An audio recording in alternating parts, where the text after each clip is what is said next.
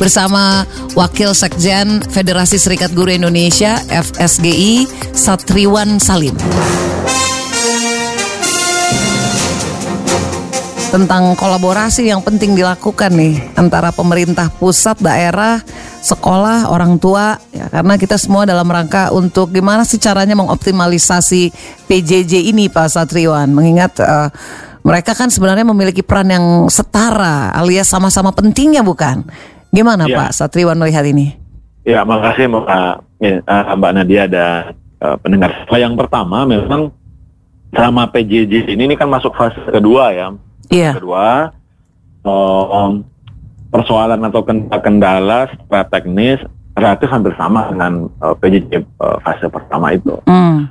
Uh, karena lebih banyak kita sekarang melihat misalnya kalau perhatian kita fokuskan ke PJJ yang luring yeah. atau luar jaringan, yeah. ya, ini memang uh, uh, seperti tidak terlalu diperhatikan gitu, mm. baik oleh ya oleh pemerintah pusat maupun oleh daerah.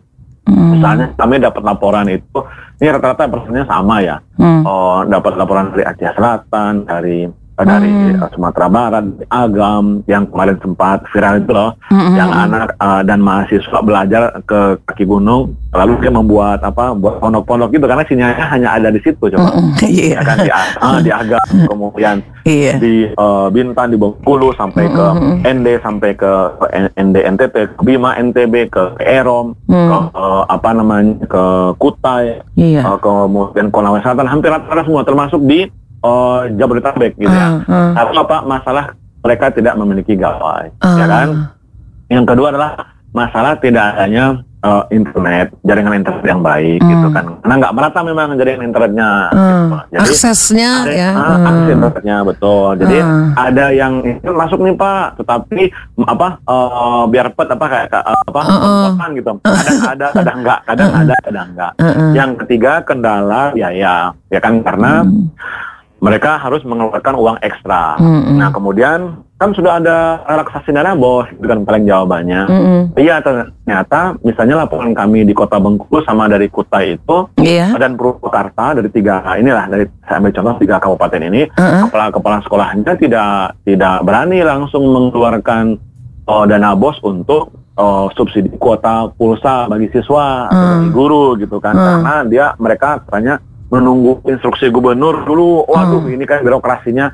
Padahal Permendikbudnya sudah ada, hmm. ya kan? Nomor 19, nomor 20 hmm. tahun 2020. Artinya Mas Menteri sudah memberikan kelonggaran hmm. di situ. Gitu. Hmm. Bukan diskresi lagi, tapi memang sudah ada lah hmm. hukumnya. Hmm. Nah, ternyata masih banyak kepala sekolah yang tidak mengeluarkan. Jadi hmm. uh, tersendat lah di situ. Nah, itu dia. Jadi sekarang juga masih terjadi. Jadi kami meminta uh, karena persoalannya uh, banyak ya, tidak hanya ada bos, uh, maka harus ada lintas kementerian ini kerjasamanya. Yang lead sektornya adalah Mendikbud. Nah, hmm. kami melihat memang belum ada progres yang signifikan dari hmm. Mendikbud gitu dengan Kementerian oh, Agama, Kementerian hmm. Menkominfo ya karena terkait hotspot kan, hmm. terkait dengan internet jaringan ya itu Kemenkominfo, hmm. termasuk dengan Kementerian BUMN. Karena hmm. ini kan berbicara BUMN, yeah. Komsel dan seterusnya. Yeah. Dan termasuk Kementerian PDT, apa? Pembangunan uh, daerah, daerah tertinggal dan desa betul mm -hmm. pemda pemda nah ini semua dengan sektornya Kemdikbud. Nah ini yang kamu kami lihat belum ada progres karena persoalannya dari daerah aku hampir sama bukan hampir lagi. Iya. Persis sama dengan yang hmm. fase pertama kemarin. Iya. Itu mbak itu dulu. Iya harus ada uh, cara nih untuk mengatasi problem ini. Mengingat pelaksanaan PJJ ini kan masih cukup lama berlangsung bukan Pak Sat? Iya kan? Nah, ini menarik nih. Hmm. Malam itu atau kemarin ya ramai juga di media kawan-kawan minta apa namanya uh, bagaimana sikap kita kami gitu hmm. terkait dengan wacana dari dari uh, apa gugus tugas Pak Doni Monardo itu yeah. untuk sekolah-sekolah di luar zona hijau dibuka kembali. Hmm. Ya sekolah-sekolah di luar zona hijau untuk dibuka kembali. Hmm. Nah kami kan kaget gitu kan mas zona di luar zona hijau dibuka kali zona hijau saja buka syaratnya kok menurut SK 4 Menteri gitu kan. Mm -hmm. Nah ini berarti zona merah kuning oranye akan diperbolehkan dibuka mm. ya karena itu pokoknya sudah ramai di media sekarang. Mm. Jadi ini kan bagi kami berbahaya gitu. Mm. Oh, apa namanya bagi siswa, bagi guru gitu kan. Nah, mm. yang kita wanti-wanti dari awal sampai sekolah menjadi apa klaster terbaru gitu. Mm. Kayak kemarin lah contoh Iya. tanggal 13 Juli tahun ajaran baru kemarin dimulai. Uh, Itu di, di kota Pariaman itu di Sumatera Barat itu sekolah dibuka SD pula. Hmm. Ya? Nah, padahal SD itu harus nanti. Ya, dia bulan bulan September SD itu. Ah. Itu menurut SKB 4 Menteri eh sudah dibuka walaupun alasannya untuk MPLS salah ya untuk MOS lah gitu. uh, Ternyata apa yang terjadi? Dua orang guru positif coba. hmm, Ya kan diliburkan lagi habis itu. Hmm. Nah, mau kayak gitu gitu loh. Hmm. Ya kan? Padahal presiden di negeri sudah banyak kan. Hmm, hmm. Cina, di Inggris, di di mana di Swedia, Iya, iya. atau Finlandia lupa. yang baru ma- di, baru masuk, kemudian yang positif, guru dan siswa lalu liburkan lagi, Kayak gitu kan? iya. Nah, itu sekarang dia laksanakan lagi begitu gitu. Nah, ini yang kami lihat lah ini kok gimana ya tidak mengutamakan kesehatan uh, Hmm. siswa, guru termasuk orang tua. Iya. Nah, itu. Iya, oke. Berarti eh, tadi penting banget tuh kolaborasi, koordinasi Betul, tadi yang leading nah. sektornya siapa gitu. Kesetara, uh, uh, uh, termasuk dengan orang tua juga ya. Tapi oke yang pemerintah tangannya banyak kan itu ya. Uh-uh. Kolaborasi lintas kementerian lembaga, Uh-uh. leading sektornya Mendikbud. Sekarang kita bagaimana peran keluarga guru. Saya pikir yang paling juga berperan adalah guru, wali kelas dan orang tua. Hmm. Kan guru, wali kelas, kelas loh kuncinya karena nggak mungkin guru ini bisa langsung komunikasi dengan orang tua, Mbak. Hmm, Karena guru mengajar banyak kelas kan. hmm. Nggak mungkin dia WA-in teleponnya atau enggak. Itu pasti eh, melalui wali Wali kelas. heeh. Ah, kan orang tua. Jadi saya pikir peranan sekarang wali kelas ini sangat sentral ya. Kebetulan saya juga wali kelas gitu di Iya. kelas eh, 11 gitu. Iya. Jadi uh, kita selalu berkomunikasi hampir tiap hari dengan orang tua apakah anak Hmm. hadir, mengenai kehadiran, kemudian apa hambatan dia, Hmm. kalau dia terlambat masuk kenapa. Hmm. Kami sekarang lebih longgar gitu, sangat Hmm. longgar bukan lebih longgar lagi, sangat Oh, longgar oke. bahwa mau- Heeh, karena- Harus ada siasat-siasat tertentu ya karena untuk keterbatasan akses internet dan listrik juga katanya Ah, kabarnya ada guru kunjung juga ya. Nah, Itu efektif nggak, Pak Satrian? Nah, baik. Ini menarik nih, Mbak. Uh, ini kunjung ini misalnya di, di, di NPT ya, kawan kami ini Serikat Guru di sana, Pak Frid nih saya sebut ya, dan kawan-kawan. Waduh, ini ini banget ya. Saya pikir altruismenya uh, waktu itu contoh. Itu datang ke rumah-rumah siswa, Hmm. ya kan? Rumah siswa yang jaraknya juga nggak bukan 100 meter, bukan 100 kilo, kilo-kilo juga kan. Berkilo-kilo dan medannya juga berat itu ya. Hmm. Oh pastinya ya Eh, datang Hmm. eh pas datang ini guru SMK ya SMK negeri datang ke rumah rumah siswa itu dibagi ternyata anak-anak kita lagi lagi ik- ke ladang sama ayah ibunya Oh Allah. bapak sama bapak sama mamanya di itu di ND saya pikir wah ini justru menjadi menjadi hal yang positif ya kan walaupun guru-guru tetap semangat di sana mengajar ke rumah walaupun anak-anaknya apa pergi ke ladang. Membantu orang tuanya pergi ke ladang ya berkebun ya. Betul. Hmm. Kalau saya langsung saya kasih A itu untuk sikap. Nah, Iya. Saya udah nggak perlu rubrik-rubrik lagi, tidak perlu Iya. apa namanya. Iya. eh, Oh ini ini bagaimana indikator nggak usah langsung aja A. Ya kan nggak usah pakai rubrik karena observasi langsung kan. Anak Iya. membantu orang tua tinggal sekarang bagaimana yang eh, dari segi pengetahuannya yang belum uh, Hmm. karena itu. Kemudian di Bima, di Hmm. mana ini Kabupaten Bima di Hmm. NTB ya, NTB tetangga NTT. Eh, guru-guru di sana Iya. dari serikat ya misalnya laporan dari serikat guru Kabupaten Bima Heeh. Pak Bang Eka dan kawan-kawan Iya. melaporkan eh, mereka datang juga ke rumah-rumah tuh Hmm. Wow. Mbak karena pedalaman juga ya Iya. kenapa datang kenapa guru kunjung kan ada internet ya pasti ya gitu kan Iya. jadi gimana mau telepon gimana mau WA gitu Mm-mm. yang ke sana nggak punya HP juga Oh, Wah, itu karena itu sama gurunya pun. gurunya punya. Karena gurunya Oh. eh, biasanya agak tersentral sedikit eh, apa namanya ke ke pusat kecamatan lah misalnya gitu ya. Oh, gurunya punya anak-anaknya. Eh, guru yang anak-anak banyak nggak punya. Nah datang mengajar ke rumah ada tuh ada siswanya ada di rumah ada. Iya, iya, iya. apa?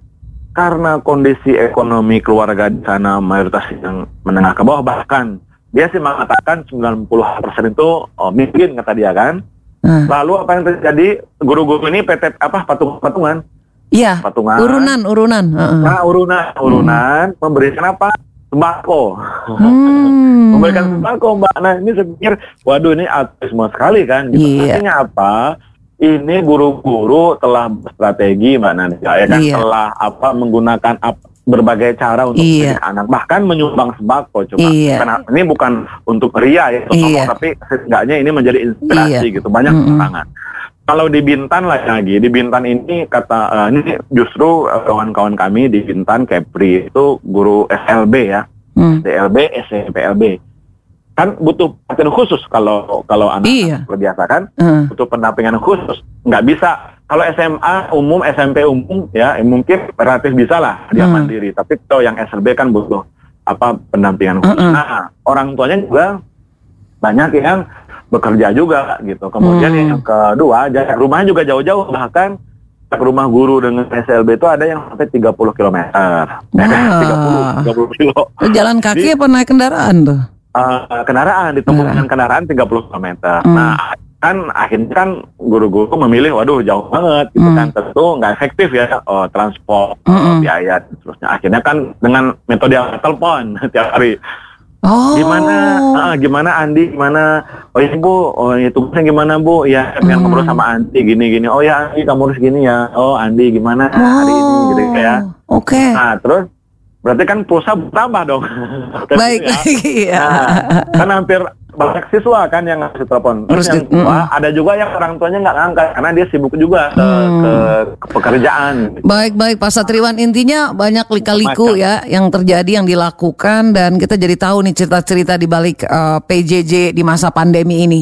Dan uh, dari itu semua berarti uh, apa harapan uh, FSGI ini yang paling besar kepada ya, pihak berwenang? Nah, ini rekomendasi bahkan ya kami meminta rekomendasi satu jadikan balai-balai desa itu atau kantor-kantor desa uh, di Indonesia itu menjadi sentra pembelajaran karena ada, menurut Kemenkominfo kami sudah uh, bertanya uh, balai-balai desa atau kantor desa di Indonesia itu rata-rata sudah memiliki hotspot internet. Artinya balai desa atau kantor desa bisa dijadikan sentra pembelajaran yang komputer dan laptopnya disediakan dari desa, dari perangkat desa, artinya dari desa gitu. Kan ada hmm. dana desa yang hmm. itu miliar kan setiap setiap hmm. tahun gitu. Nah, anak-anak bisa belajar ke sana, yang anak-anak nggak punya gawai termasuk yang nggak ada uh, nggak uh, masuk internet tadi ke ke rumah atau karena hmm. belum merata tadi kan. Nah, guru sana Itu bisa jadi solusi ya rekomendasi ya, ini. Mudah-mudahan bisa dilaksanakan. Baik. Uh, yang kedua, kalau masih ada sedikit, nah yang kedua uh, kita tambah tuh Kemenkominfo hotspot hotspot ya kan hotspot hotspot uh, agar merata seperti di Agam itu memang kendalanya oh, dua kecamatan di Kabupaten Agam itu saya langsung menelpon ketua DPRD-nya Sumatera Barat itu segede Jakarta pak hmm. dua dua kecamatan baik, baik. Uh, di uh, sana itu luas banget ya jadi hmm. uh, rumahnya nggak deketan jauh-jauhan hmm. nah kita tahu kalau perusahaan ya pasti orientasinya bisnis dia nggak akan membangun tower nggak akan hmm. membangun apa jangan kalau nggak ada masyarakat kan rumahnya jarang nah saya pikir sekarang Telkomsel atau perusahaan-perusahaan BUMN orientasinya mengabdi untuk anak negeri aja dulu ya kan jangan dulu orientasi kepada Baik. profit gitu. Oke, keren banget nih. Mudah-mudahan didengar langsung rekomendasinya diwujudkan. Terima kasih Pak Satriwan. Masih, masih banyak, banyak nanti sampaikan. Dua dulu, tapi itu udah keren. Masih banyak yang lainnya. Selamat berjuang terus nih FSGI Pak Satriwan. Ya, mana terima kasih mana dia. Terima kasih Wasekjen Federasi Serikat Guru Indonesia FSGI Satriwan Salim.